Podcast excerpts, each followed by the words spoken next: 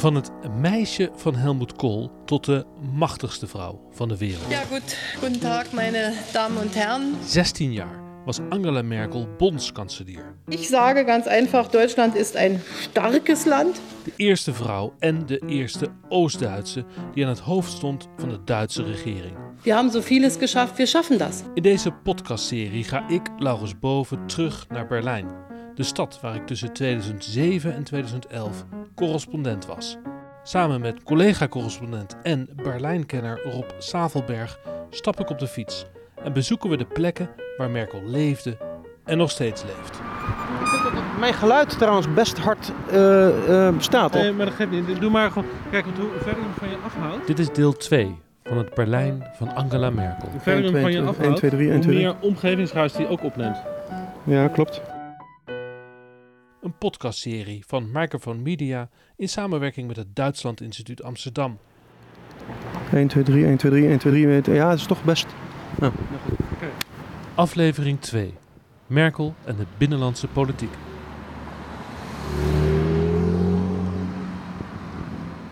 Tja, dit is dan de Friedrichstraße. En dit is een centrale winkelstraat. De... Hier moeten we zijn, Rob? Friedrichstraße 165, hier aan de overkant van de straat. Klopt, even kijken. Hier zien we het hotel eh, Western Grand. Vijf sterren. De En rechter dan hier inderdaad... Ah, wacht. Het Haus der Democratie, waar dus Angela Merkel haar politieke loopbaan min of meer begon. Via die eerste partij, Democratische Aufbruch, waar ze min of meer toevallig bij eh, verzeild raakte. Ja, die hadden hier hun kantoortje. nu, toen waren ze bezig om een eh, zelfstandige DDR in elkaar te timmeren zonder eh, eh, zeg maar dat, dat dictatoriale socialisme. En nu is Hugo Boss het symbool van het kapitalisme. Hier. Het is wel een Duits merk. Ja, het is een Duits merk, ja, met ook een Duits verleden. Prachtige pui. Maar, om even... Even de fiets neerzetten. Ik denk dat het belangrijker is om te vermelden, niet dat Hugo Bos hier nu in zit, maar dat voordat hier de democratische nieuw opgerichte partijen van de DDR hun kantoortjes kregen, was dit van de SED. SED Kreisleitung, so, eh, Ja. Sozialistische Einheitspartei Duitsland. Maar het is toch een fantastisch mooi symbool van een revolutie dat de nieuwe democratische partijen de kantoren krijgen van de oude machthebber. Eigenlijk in dit kantoortje is dus de politieke carrière van Merkel begonnen als computeraansluiter. Ja. En ze hadden wat computers en wat faxen. Dat waren die apparaten waarmee je eh, berichten kon versturen, zoals e-mail tegenwoordig. Die hadden ze cadeau gekregen uit het Westen, natuurlijk van handige ondernemers. Ook van eh, misschien eh, bepaalde partijen.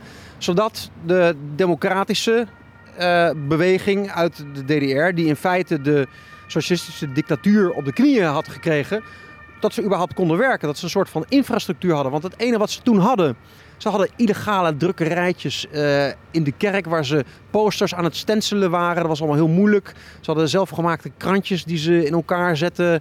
Ehm, vloekblätter, dus eh, pamfletten die ze uitdeelden. Maar dat was natuurlijk geen moderne communicatie. En opeens zie je Angela Merkel in 1989, daar eind 19, begin 1990, met al een draagbare telefoon. Ik had Ja. mijn eerste draagbare telefoon pas na midden eind jaren 90. Precies. In dit kantoor, het is een vooroorlogspand, representatief pand met een hoop stukwerk en, en ornamenten aan de buitenkant. Ja, eh, zuilen ook daarbij en nog eh, Ah. de kogelgaten die in de muren hier eh ziet Ah, zitten. hier Ze hebben natuurlijk vreselijk gevochten om deze plek. Het was ook het Je het het regeringscentrum. centrum eh, van Berlijn. Hè? Dat zie je die gebouwen met nog steeds kogelgaten in de muren. Hier dus Merkel, min of meer toevallig bij Democratische Aufbruch terechtgekomen. Ze ging kantoorwerkzaamheden doen voor die organisatie. Weten we eigenlijk waarom Merkel haar wetenschappelijke carrière aan de wilgen hing en in die revolutieweken overstapte naar de politiek? Ja, omdat ze aan de ontbijttafel eh, samen zat met haar echtgenoot, professor Dr. Joachim Sauer. En Sauer is een, een topwetenschapper van eh, wereldniveau. En die zei van, eh, nou ja, zou je dat niet, eh, is dat niet iets eh, voor jou? Meine politische Arbeit ist ja verbunden mit äh, der deutschen Einheit und nur durch den Mauerfall möglich geworden. Toen zei ze min of meer, ja, ik zou wel meer van het leven willen, willen smaken. De, de bijvruchten van het leven. zoals- Meer dan de wetenschap. Ja, de wetenschap eh, had haar passie, haar liefde, had ze jaren en jaren natuurlijk gedaan. Eh, In Leipzig gestudeerd en dan later in eh, Overigens heeft ze Berlijn. ook heel bewust natuurwetenschappen gekozen omdat het niet politiek was. Precies. Physik habe ich studiert. Ähm, ganz sicher, weil in der DDR auch äh, die Naturwissenschaften nicht verbogen werden konnten. Also die Schwerkraft und die ähm, Masse bleiben halt das Gleiche, selbst im Sozialismus. Want daar had ze geen zin in, in, dat hele politieke gedoe. Maar de, de, de opwinding die met de val van de muur samenhing en het vrij reizen. Merkel reisde graag naar Georgië, eh, naar Rusland, eh, naar Polen, eh, overal heen. beste wilde reizen ook gehad met avontuur erin. dat kon haar wel bekoren. En die bijvruchten, bijvangst van het leven, dat was belangrijker, zei ze tegen haar man aan de ontbijttafel, dan die Wetenschap. Ich hatte damals so das Gefühl, wir müssen jetzt irgendwas tun. Die, die früher Politik gemacht haben, die können es ja nicht weitermachen. Also muss es Menschen geben, die sich interessieren, die in eine Partei gehen. Hij ging in de wetenschap door. Hij was een groter wetenschapper dan zij. En zij koos voor het leven, voor ook mooie dingen die daarin kunnen, kunnen gebeuren. Dus niet alleen de strenge wetenschap, maar ook natuurlijk, uh, ja, dat is, uh, er gebeurt van alles in, de, in de politiek. Ongekend succesvol in die politiek. Nog steeds? Het is natuurlijk nauwelijks voor te stellen dat dat mogelijk is. Dat je dus van een. Terwijl je geen deel had aan de oppositiebeweging voor 1989, je meldt bij een kleine partij en dan dus korte tijd later lid van de Bondsdag, minister. Maar waar ging het nou eigenlijk die mensen om die hier dus in het najaar, winter van 89, 90 aan het werk waren? Waar waren ze mee bezig? Zij waren bezig met de democratische verandering van hun staat. Hun staat was de DDR. Dat was de Oost-Duitse uh, socialistische dictatuur. Zij wilden meer vrijheden, maar zij wilden op dat moment dat Merkel hier aankwam, wilden zij nog een ja, hun staat democratiseren met dus eh, reisvrijheid. Het en ging meer... nog niet echt om eenheid? Nee, het ging helemaal niet om eenheid. De enige die zei eenheid, dat was Helmut Kool. En dat was een politicus in een ander land, mhm. in, in, in West-Duitsland. Dus dat was een politiek debat op dat moment? Angela Merkel beweert vandaag dat zij direct na de val van de muur een uh, vrije markteconomie wilde hebben. Uh, vrij reizen en uh, zo snel mogelijk aansluiting van de DDR bij het Westen. Maar dat was helemaal niet het geval. Uh, dikke maand later werd zij lid van de uh, Democratische Afbroeg. En die wilde op dat moment nog een zelfstandige DDR met wat meer vrijheden, maar nog niet de eenheid. Dat kwam pas enkele maanden daarna. Dus maar zij... weten we wat Merkel werkelijk wilde? Want het was natuurlijk voor iedereen zoekende. Er gebeurde natuurlijk zoveel elke dag was in der tijd was, was anders. Er gebeurde ongelooflijk veel. Uh, zij werd bijvoorbeeld al vrij snel uh, woordvoerder van, van haar club, Democratische Afbroeg. Vooral omdat zij kon goed praten. ze was niet, niet dom, ze had iets wetenschappelijks gestudeerd. Er was behoefte aan mensen met een duidelijk verstand. Ze had natuurlijk een, een goed verstand. En op dat moment was alles zeer, zeer in beweging. En de enige dingen die wij weten over die tijd, dat zijn niet zozeer televisie-interviews zoals vandaag, maar gewoon wat vrienden van haar uit die tijd en haar collega's uh, uh, later hebben verteld. En sommige van die collega's, voordat ze een interview gaven, die werden eerst door, door Merkel gesouffleerd wat ze mochten zeggen. Ja. Maar bedoel je daarmee te zeggen dat Merkel de Duitse eenheid niet wilde? Of bedoel je te zeggen dat we eigenlijk niet zo goed weten en Merkel misschien zelf ook niet zo goed wist wat ze wilde op dat moment? Het is een fabeltje wat Merkel nu achteraf zegt. Dat zij direct toen die val van de muur, eh, toen dat gebeurde aan die Bornholmer waar wij zijn geweest. Dat zij toen onmiddellijk Duitse eenheid wilde. En uh, zo snel mogelijk een vrije markteconomie. En dat die DDR maar gelijk naar de mestvaalt van de geschiedenis verdween. Zoals Jules Dilder zo mooi beschreef. Wat er eigenlijk gebeurde is. Zo. Deze motoragent die rijdt bijna een stel voetgangers omver. Want hier komt de, nou, een uh, geblindeerde auto's met hoge snelheid en mensen in uh, chauffeurs en pakken komen hier langs. Het heeft nog een meer dan een dikke maand heeft het geduurd voordat ze zich überhaupt aansloot bij een van die zeer talrijke democratische bewegingen. Een maand lang waar ze weet ik veel wat uh, gedaan heeft, dat is helemaal niet bekend. En insofern ist man dann losgezogen und hat sich auch erstmal orientiert. Denn ich hatte natürlich äh, zu DDR-Zeiten ähm, nicht im Sinn, mir nun genau zu überlegen, was würdest du eigentlich machen, wenn plötzlich die deutsche Einheit käme oder Demokratie käme. Maar er was een, richting, er was een richtingenstrijd gaande bij die organisatie. Willen we eenheid, willen we democratisering van de DDR? Ehm, maar ze heeft zich daar niet echt in, in gemengd. In Helemaal niet. Nee, nee. Het is altijd dat zij vooral afwacht, kijkt hoe de, de, de dobbelstenen zal neervallen en zo. En pas als het stof is neergedaald, als alles duidelijk is, dan beslist zij als alle kaarten op tafel liggen. Eh, en later in haar politieke leven was dat net zo. Ook wachten tot alle kaarten op tafel liggen, tot alle ruzies zeg maar, eh, duidelijk zijn hoe de, Ja. de fronten verlopen. En dan natuurlijk wel dat het- wordt er beslist. Eh, op dat moment de gedachte dat de DDR zich democratisch zou kunnen hervormen zonder eenheid is natuurlijk naïef. Dat was natuurlijk onmogelijk. Dat zeg jij nu achteraf. Maar op dat moment bestond de DDR nog. Het DDR-leger bestond nog. De DDR-politie bestond nog. Eh, de Socialistische Eenheidspartij van Duitsland, de macht, eh, machthebbers eh, tot die tijd, die bestonden ook nog. Er waren gewoon meerdere partijen opeens aan het ontstaan. Die werden ook niet, eh, eh, na de val van de muur, werden ze niet meer verboden. Het was een soort machtsvacuum. Maar dat machtsvacuum heeft meerdere maanden eh, voortgeduurd, waarin alles totaal onduidelijk was. Nou, wat we wel weten is dat zij dus na de verkiezingen, de, de enige democratische verkiezingen ooit in de DDR, in maart 1990, werd zij woordvoerder van de regering. Ja. Zeg maar de baas van de RVD, hè, Ja. de Rijksvoorlichtingsdienst, zoiets, zo'n soort eh, functie. En eh, vanuit die functie raakte ze eigenlijk betrokken bij de CDU. Ja, omdat de, de CDU, zeg maar, die regering die werd gevormd door de oostelijke CDU. Die samenwerkte met de veel grotere West-Duitse CDU. En eh, de partij van Helmut Kohl en eh, West-Duitsland had natuurlijk veel, veel geld en vooral veel invloed om, om die Oost-Duitse broertjes erbij te kopen. Ja, en dan is er een half jaar tussen de verkiezingen in maart 1990 en oktober 1990 dat de Duitse eenheid een feit is. Merkel besluit in die periode dat ze zich zal kandideren voor de verkiezingen voor de Bondsdag van het gehele, van, van het eengeworden Duitsland die dan aan het eind van dat jaar Ja, dat komt eigenlijk nog eh, daarna. De eerste stap was natuurlijk om die, die, die eenwording, die hereniging tussen Oost- en West-Duitsland goed te laten functioneren. Er waren twee munten, de, de Ostmark en de, de sterke West-Duitse D-mark. Eh, twee eh, totaal verschillende systemen met totaal verschillende eh, burgers. Een, een supergroot experiment in de wereldgeschiedenis waar, waarvoor niemand een recept had. Waar ook veel dingen zijn, zijn misgegaan. Miljoenen mensen zijn werkloos geworden. Families werden uiteengereten. Zullen we Inderdaad. eens gaan kijken zo... We gaan verder, inderdaad. Want dit is een hele belangrijke plek. Maar dat duurde maar heel kort. Een paar maanden geduurd.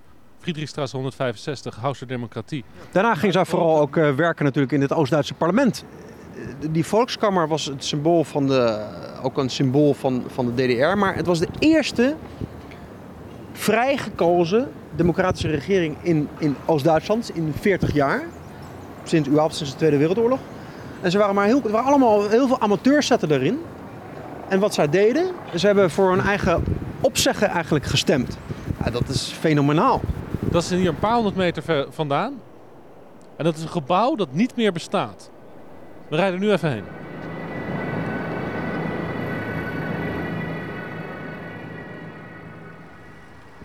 Terwijl we zo rondrijden, Rob. Ja? Een stuk verkiezingscampagne is begonnen. Dus aan alle, elke lantaarnpaal hangt een verkiezingsposter. Is dat niet raar voor jou om dus niet op elke straathoek de foto van Angela Merkel te zien in zo'n campagne? Nee, en ze heeft eigenlijk ook gezegd, interessanter, interessant om dat te noemen, dat ze zich niet wil inmengen in eh, de kandidatuur van haar opvolger, wie dat, eh, wie dat moet worden. Eh, ja, dat is natuurlijk allemaal wel, wel aardig. Ehm, we kunnen een stukje hier, is een beetje rustiger. Wat ik eh, interessant vind daaraan, eh, ze heeft gezegd ze wil haar opvolger niet te veel voor de voeten lopen en zo. Meneer Laschet is het nu uiteindelijk in haar eh, partij. En ze zei, ik ga dus niet zeggen wie het moet worden. Dat is interessant aan de verkiezingsposters. Maar ik ga ook geen, ik ga niet op campagne. Je kunt mij niet aantreffen bij, op marktplaatsen en zo, op de bühne. Maar ze ziet natuurlijk hoe slecht het gaat met haar kandidaat. Zo kort voor de verkiezingen. En nu heeft ze opeens toch in ja, een paar eh, verkiezingsbijeenkomsten beloofd. eh, in München en laatst ook hier in Berlijn. Eh, Eerst nog een stukje fietsen. Al die dikke Duitse auto's, BMW's, Mercedes'en, ook Audi's natuurlijk. Die staan allemaal in de file omdat we er zijn zoveel auto's hier onderweg. met die goedkope benzine dat we op de fiets toch ook tamelijk snel ons kunnen voortbewegen. We staan nu op op een hele gekke plek. Midden in de stad, op het eiland in de Spree, waar ook het museum Insel aan de andere kant ligt, de Berliner Dom, het historisch museum, staan wij voor een uh, gloednieuw 18e eeuws gebouw. Ja, dat, dat kan niet. Je kan, je kan niet gloednieuw zijn en 18e eeuws. Dat kan wel, want dan ziet het toch? Ja, dit gebouw, dit gebouw is de afgelopen jaren is het herbouwd. Dit was inderdaad het uh, paleis van de, van de keurvorsten en de koningen en de keizers van Pruisen van, van Duitsland. De keizer die in der tijd uh, naar Nederland is gevlucht uh, op het einde van de Eerste Wereldoorlog. Het is nogal omstreden hier in Berlijn geweest dat ze dit hebben gedaan. Dat hier het paleis van de keizer is herbouwd. Ja, dat hebben ze voor een miljard euro net hier neergezet. En daarvoor moest eerst de, de, het palast der Republiek van de Socialisten moest daarvoor wijken. En dat was de laatste volkskammer, het parlement van de DDR, van de Oost-Duitse DDR. Waar Angela Merkel uh, meehielp zeg maar, om de DDR af te wikkelen. Het was ja, het dat eerst... pand stond hier, hè? Ja, dat stond op de, was... exact dezelfde plek. Exact, want en, er is niets wat daar nu aan herinnert, want we zien er helemaal niets van. We zien helemaal geen, uh, geen bordje. Hier stond het laatste parlement van, van, van Oost-Duitsland. Hier is dus dat parlement geweest waar Merkel haar eerste treden in de politiek echt heeft gezet? Ja, dat werd gebouwd in de, in de jaren 70. Dat, uh, in de stijl van het socialistisch realisme, zo heette dat. En met uh, fluoriserende uh, of zeg maar ramen die, die zo weerspiegelden in een oranje kleur. Heel maf uit huidig perspectief. En Angela Merkel die werd opeens daar woordvoerder van de regering. Ze verkauft der Öffentlichkeit, was die Männer entscheiden. Im Kabinett sind verschiedene Vorlagen zum Wohnungsbau. Dann ist eine Vorlage zur Verteilung der Infrastrukturmittel. Dann gibt es die schon angesprochene Verkürzung der Anmeldefrist für vermögensrechtliche Ansprüche. Omdat ze haar burgerbeweging samenging met de, de Oost-Duitse CDU. Die hadden veel verbindingen en ook veel geld van de West-Duitse CDU van Helmut Kohl. En uh, opeens was zij benoemd tot woordvoerder van de regering. Also es wird sie in der allgemeinen politischen Lage sowieso spielen. Und dann gibt es aber, glaube ich, vielleicht noch Durchführungsverordnungen zu irgendwelchen Landwirtschaftsanpassungsgesetzen. Aber das weiß ich jetzt nicht genau. En zat zij in regeringsvliegtuigen richting Moskou om te onderhandelen uh, met uh, Mikhail Gorbachev over de Duitse eenwording. Ja. Het blijft toch verbijsterend. Ik heb het nou al een paar keer gezegd, ik zeg het nog een keer, hoe snel dat is gegaan. Dat zij dus in een paar maanden tijd van anonieme wetenschapper op een wetenschappelijk instituut uh, ergens diep verstopt in Oost-Berlijn, dan ja, mee gaat rollen, in een achtbaan terechtkomt, die haar brengt in het centrum van de macht van de DDR. Ja, daar moet dus ook een Willitsoermacht wakker geworden zijn bij ja, haar. Ja, mogelijk wel, maar zij heeft het altijd omschreven als een weg vol toevalligheden, dat er helemaal niks gepland was. En dan, ja, toen ontmoet ik die en die en zus en zo.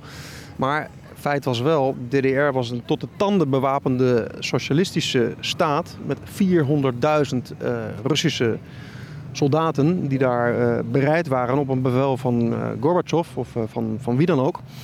En uh, dat de bevolking in Oost-Duitsland eigenlijk in eerste instantie zelfstandigheid wilde en daarna aansluiting bij West-Duitsland. En toen ze voor het eerst sinds de Tweede Wereldoorlog in Oost-Duitsland in hun parlement konden beslissen wat ze wilden. Die Volkskammer erklärt den Beitritt der DDR zum Geltungsbereich des Grundgesetzes der Bundesrepublik Deutschland. Toen heeft die eerste regering daarvoor heeft besloten, de regering van Angela Merkel toen, dat ze hun eigen land gingen opheffen.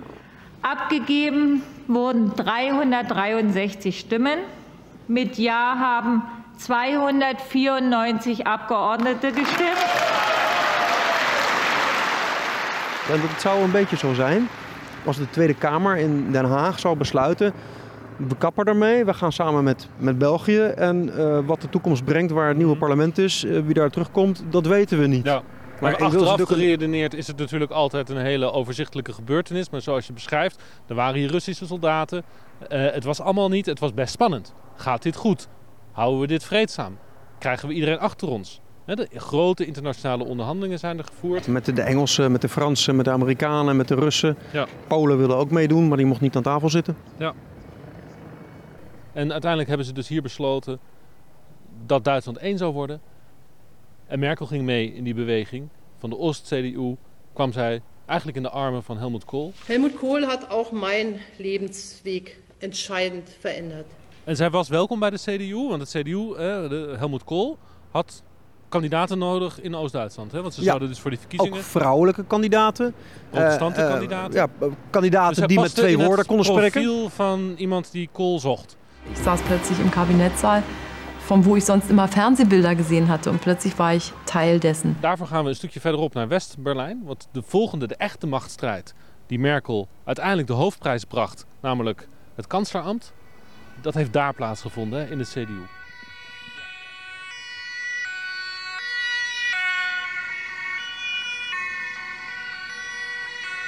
Ja, dit heb ik nog nooit meegemaakt.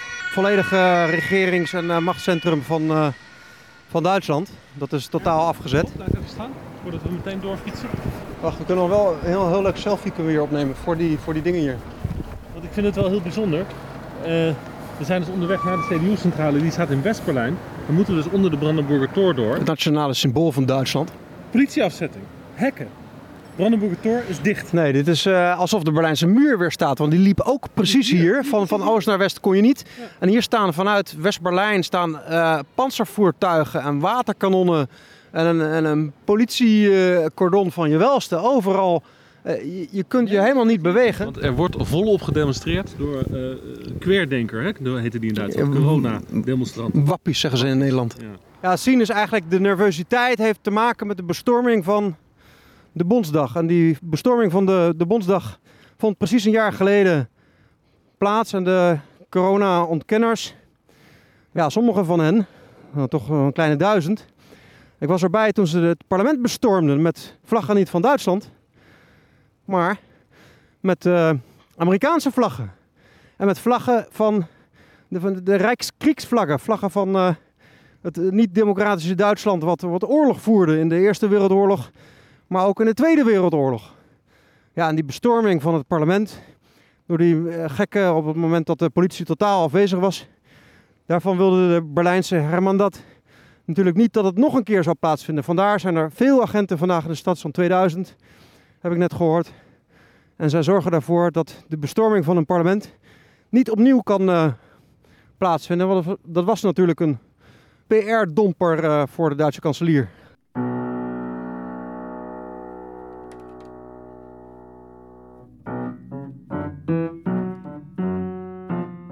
Konrad Adenauerhuis. Daar zijn we nu aangekomen. Vernoemd naar de eerste Bundeskanzler van West-Duitsland. Hier, je ziet die grote rode letters CDU, meters hoog. Een glazen gebouw hier. Dit is de plek waar ze altijd op maandag vergaderen met alle CDU-bobo's uit, eh, uit het hele land, zeg maar. Uit, eh, uit Hessen, uit Zaksen, eh, uit Schleswig-Holstein, uit Noord-Rijn-Westfalen. regionale partijvoorzitters, Ja, maar die komen allemaal hier samen. En die bepalen dan, elke week, en die bepalen dan wat de lijn is. Wat dan enkele dagen later ook in het kabinet op woensdag, wat er dan bepaald moet worden. En eigenlijk hun wil is min of meer ook wet in Duitsland. Want dan heb je de partij, de grootste partij, dan heb je ook de macht in, in, in Duitsland. En die partijleiding heeft natuurlijk grote invloed op, op Merkel. Merkel kan niet zomaar linksaf willen en de partij zegt wij willen eigenlijk rechtsaf. Dat is dus hoe het nu gaat. Maar Merkel heeft hier dus ook aan haar machtspositie gewerkt. Want zij was gewoon een bondsdagslid op een bepaald moment. Minister geworden. Maar dan nog steeds ben je niet automatisch ook binnen de partij voor aanstaand lid. Dus dat, dit is ook een slangenkuil. En hier moet je dus je weg vinden. En interne kantoorpolitiek gaan bedrijven. interne oorlogsvoering zou je het misschien ook wel kunnen noemen. Want het is, zoals je juist hebt beschreven, een slangenkuil, een wespennest en zo. Met al die merendeels West-Duitse mannen uit, uit eh, hele machtige deelstaten, rijke deelstaten. Zij komt uit Oost-Duitsland. Maar zij is dus al die tijd wel beschermd door Helmut Kohl. En die zei, dit is mijn mädchen, mijn meisje. Jij wordt minister. Zei hij dat zelf? Dat ja, hij woord? was altijd een beetje... super seksistisch. Nou ja, dat zou je misschien vandaag de dag zouden sommige mensen dat kunnen zeggen, maar dat was ook een beetje paternalistisch bedoeld van eh, ik zorg voor jou, geen zorgen, eh jij hoort er nu bij en jij krijgt jouw positie en dan als ik dat zo zeg, dan, dan, eh, dan heeft iedereen dat ook te accepteren. Ja, ja precies. Oké, dus onder de vleugels van Helmut Kohl komt zij hier eh, in die, in die partijcentrale naar binnen. Eh, en loopt ze dan met, met knikkende knieën of handenwringend naar binnen? Ik heb, ik heb haar nooit met, met knikkende knieën eh, gezien. Het is een zeer natuurlijke vrouw die als je haar iets wat dan ook vraagt, die heel normaal reageert. Maar ze heeft natuurlijk gewoon afgewacht in die discussies. En af en toe op, op basis van haar argumenten ook flink, flink uitgedeeld en zo.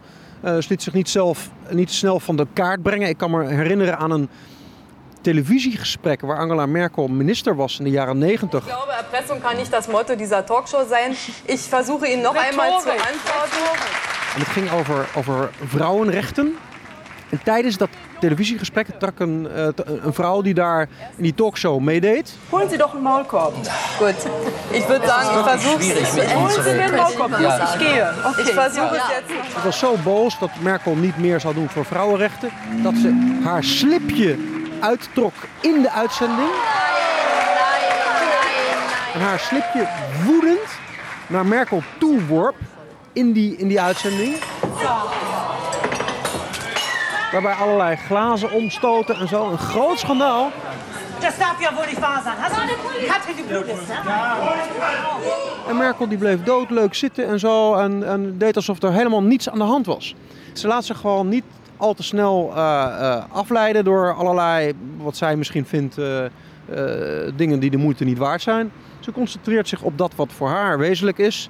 En daar werkt ze zeer nauwgezet en nauwkeurig ja, haar, haar, haar plannetjes af.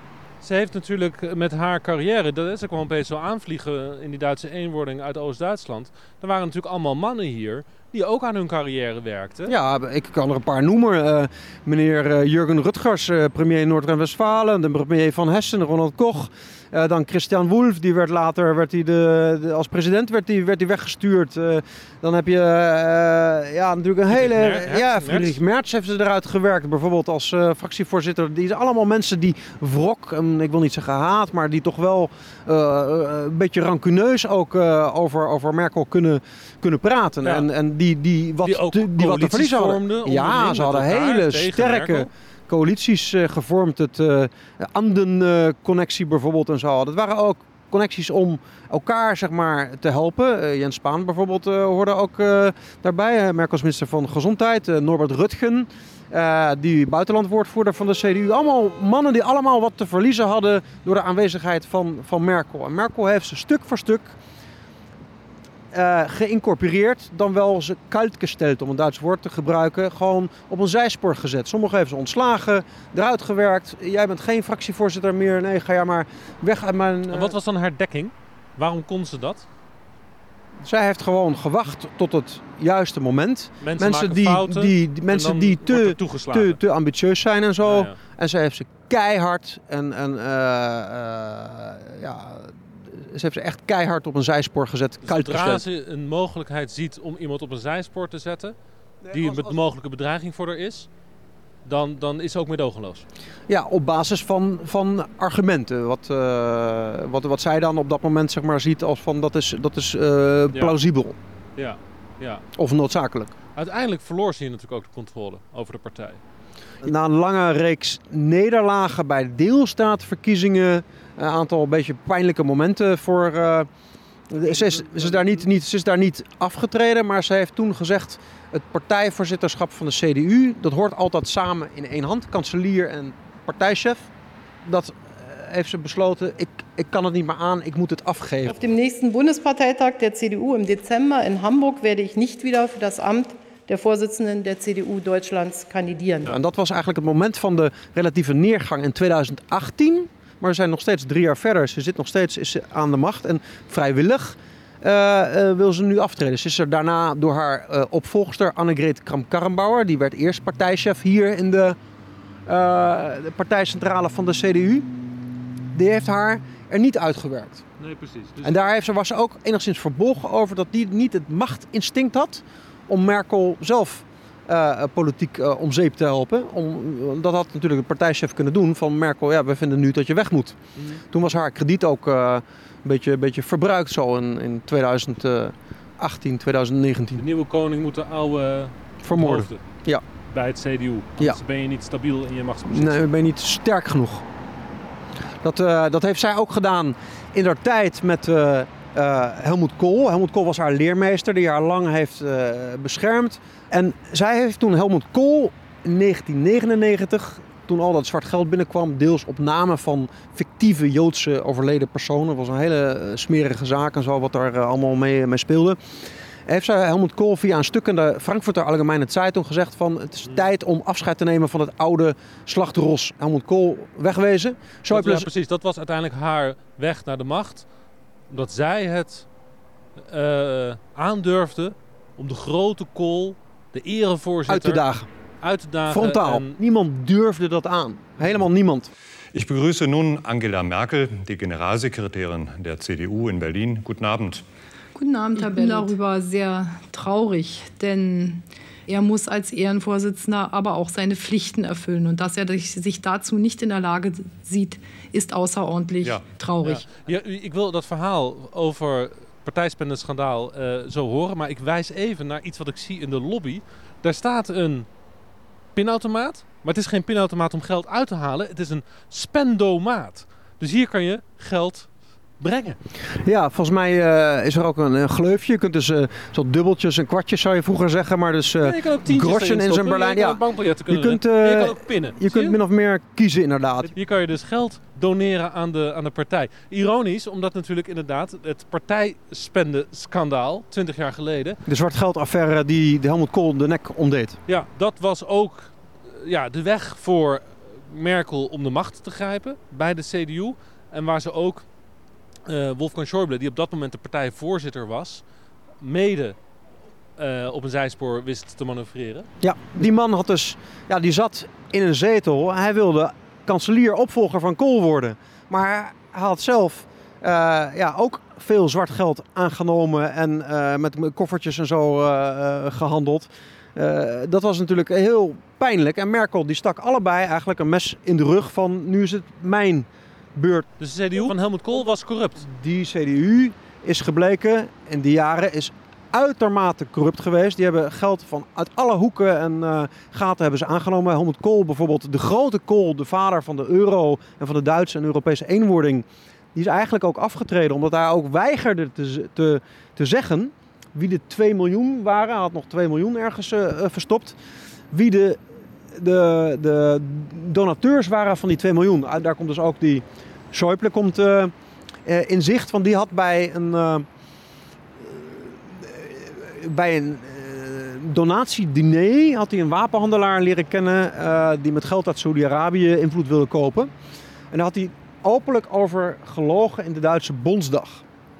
En dat had ik uitgezocht. Zwart geld? Zwart geld, dat is natuurlijk, ja, smeergeld was het in feite, ja. Illegaal, dat, uh, dat, uh, dat mag niet. Uh, dat wist ook Angela Merkel. En uh, zij heeft toen Schäuble heeft ze, uh, eruit gewerkt. Dus zijn kans was verkeken. Waarom, ja, oké, ik zou bijna vragen waarom zit Schäuble dan nog steeds op zijn post? Ja, dat zou je eigenlijk aan hemzelf moeten vragen. Maar ik heb dat persoonlijk ook aan, aan Angela Merkel gevraagd. Omdat ik daar uitermate over was verbaasd. Toen zij in 2009 ja, heel vrolijk de nieuwe regering presenteerde. En daar opeens als een duveltje uit een doosje kwam Wolfgang Schäuble kwam weer tevoorschijn als minister van Financiën. Jij bent in 2009 een eh, lokale beroemdheid geworden hier in Duitsland. Omdat jij Merkel daarover een vraag stelde tijdens een persconferentie. Mevrouw Merkel, een uh, vraag van Rob Savelberg, uh, Telegraaf als Amsterdam. Juist, dat was dus bij de presentatie van haar nieuwe kabinet. Um, Sie reden heute ziemlich viel über Geld, über Finanzen auch der Bundesrepublik Deutschland. Waar dus die Schäuble weer aan tafel zat. Wollen Sie das Finanzministerium besetzen mit äh, einer Person, der öffentlich beteuert hat im Deutschen Bundestag, dass er einen Waffenhändler nur einmal äh, getroffen hat und dabei vergessen hat, dass er auch noch 100.000 D-mark van hem aangenomen had. Ik dacht van, hoe haalt u het nou in uw hoofd om diezelfde Schäuble, waarvan we weten dat hij corrupt was, waarvan we weten dat hij smeergeld van een uh, later veroordeelde wapenhandelaar heeft aangenomen, waarvan we weten dat hij de Bondsdag daarover openlijk heeft voorgelogen, dat, hij, dat moest hij dat ook toegeven. Je mag het parlement helemaal niet voorliegen, dat is uh, niet netjes zo. Also wie kunnen Sie so eine Person ähm, als zeer competent uh, äh, schätzen, um sozusagen die Finanzen dieses Landes ihm zu, äh, hinzuzuvertrauen in, in der Krise. Also, Toen zei zij, Sie das weil, weil, diese, weil diese Person mein Vertrauen hat. Ich vertraue ihm, weil ich ihn vertraue. Ik vertrouw hem omdat ik hem vertrouwen. En dat, ja, Aber kann er dann mit Geld umgehen, wenn er vergisst, dass er 100.000 Mark in bar in seiner Schublade liegen hat? Ich jetzt alles gesagt dazu. Wenn das alles ist? Dat is natuurlijk een, een redenatie waarmee je misschien uh, kleine kinderen van drie jaar uh, tot de orde kunt roepen, maar geen antwoord op een politieke vraag. Mm -hmm. Zo, die nächste vraag. Wat zegt dat over Merkel dat ze met al haar antennes over wat juist is en niet juist is, uh, Schäuble benoemt? Kon ze niet om hem heen? Het was natuurlijk pure uh, machtspolitiek. Die Schäuble was natuurlijk nog steeds een, uh, een, belangrijke persoon die veel wist, superveel ervaring had. Uh, 30, 40 jaar lang in de CDU, die minister van Binnenlandse Zaken was geweest, die ook namens West-Duitsland de eenwording met de DDR had, had onderhandeld en zo. Maar in die tijd natuurlijk ook al met, met allerlei zwart geld om, is, om gegaan. En, en dat is gewoon puur politiek pragmatisme van Merkel geweest. Maar ook even de andere kant op kijken. Zij wist het natuurlijk ook allemaal. Uh, in elk geval heeft dat bij het grote publiek nog wel voor opzien gebaard. Want mijn vraag aan haar, dat gesprek waarmee ze al die vragen zo ook afkapte. Uh, die hebben 1 miljoen mensen op YouTube toen al gezien. Ik werd op alle Duitse televisiezenders uitgenodigd. Ik moest naar Nederland komen om dat in talkshows uit te leggen. Ja, dat is, dat is wel een heel bijzonder moment geweest. En zo uh, tot de dag van vandaag spreken uh, Duitse journalisten erover. Er is zelfs in Hamburg een, een, een cocktail uitgekomen die uh, naar mij is vernoemd. Die je daar kunt drinken. De Safelberg. ja, dat is nog, nog steeds een, een, een belangrijk moment voor... voor jouw leven. Ja. jouw carrière. Ja. Dat dus qua machtspolitiek binnen de CDU. Wir kommen nun zu unserem Tagesordnungspunkt 1, Wahl der Bundeskanzlerin. Ze is de koningin van de partij geworden. Schlage ich dem Deutschen Bundestag vor, Frau Dr. Angela Merkel zur Bundeskanzlerin zu wählen. Herr Präsident, ich nehme die Wahl an und bedanke mich für das Vertrauen. En uiteindelijk versloeg ze de Schreuder in de verkiezingen in 2005. En verhuisde ze een uh, nou anderhalf kilometer hier vandaan naar het Bundeskanzleramt. Ich schwöre dass ich meine Kraft dem Wohle des deutschen Volkes widmen und Gerechtigkeit gegen jedermann üben werde. So wahr mir Gott helfe.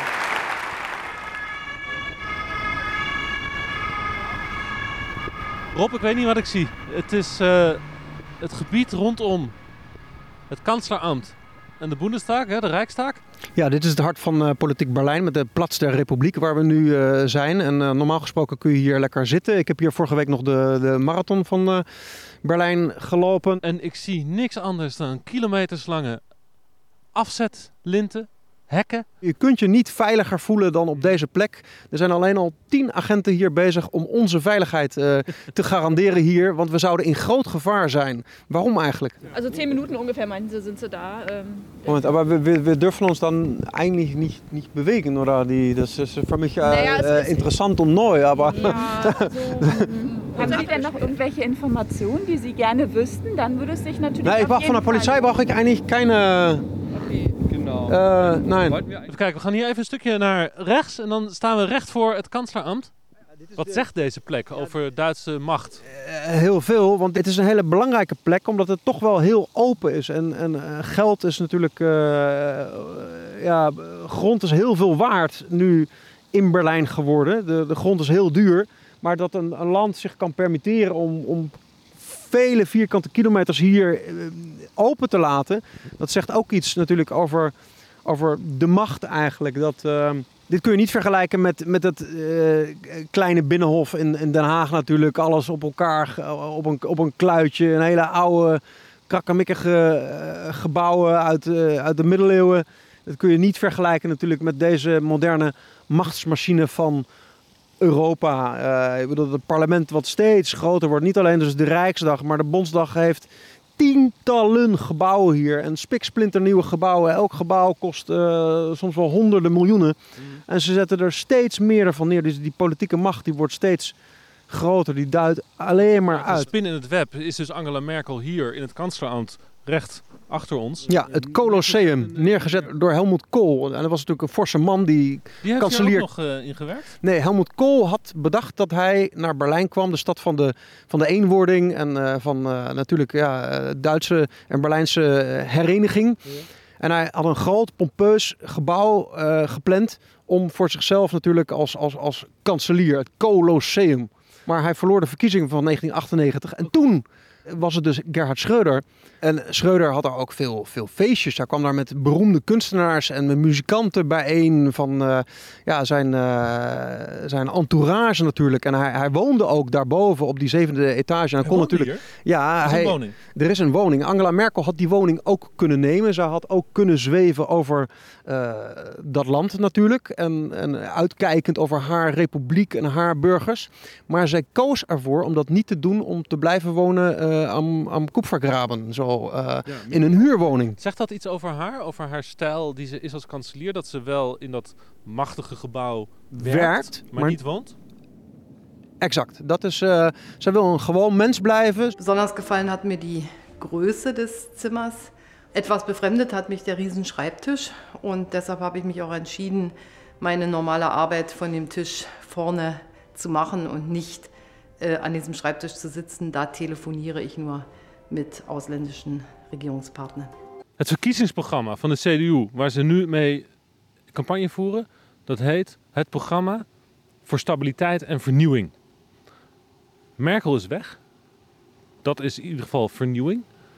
Maar wat is nou haar, ja, haar erfenis? Waar gaat haar opvolger, of het nou CDU, SPD, Groen is, wat blijft er over van Merkel?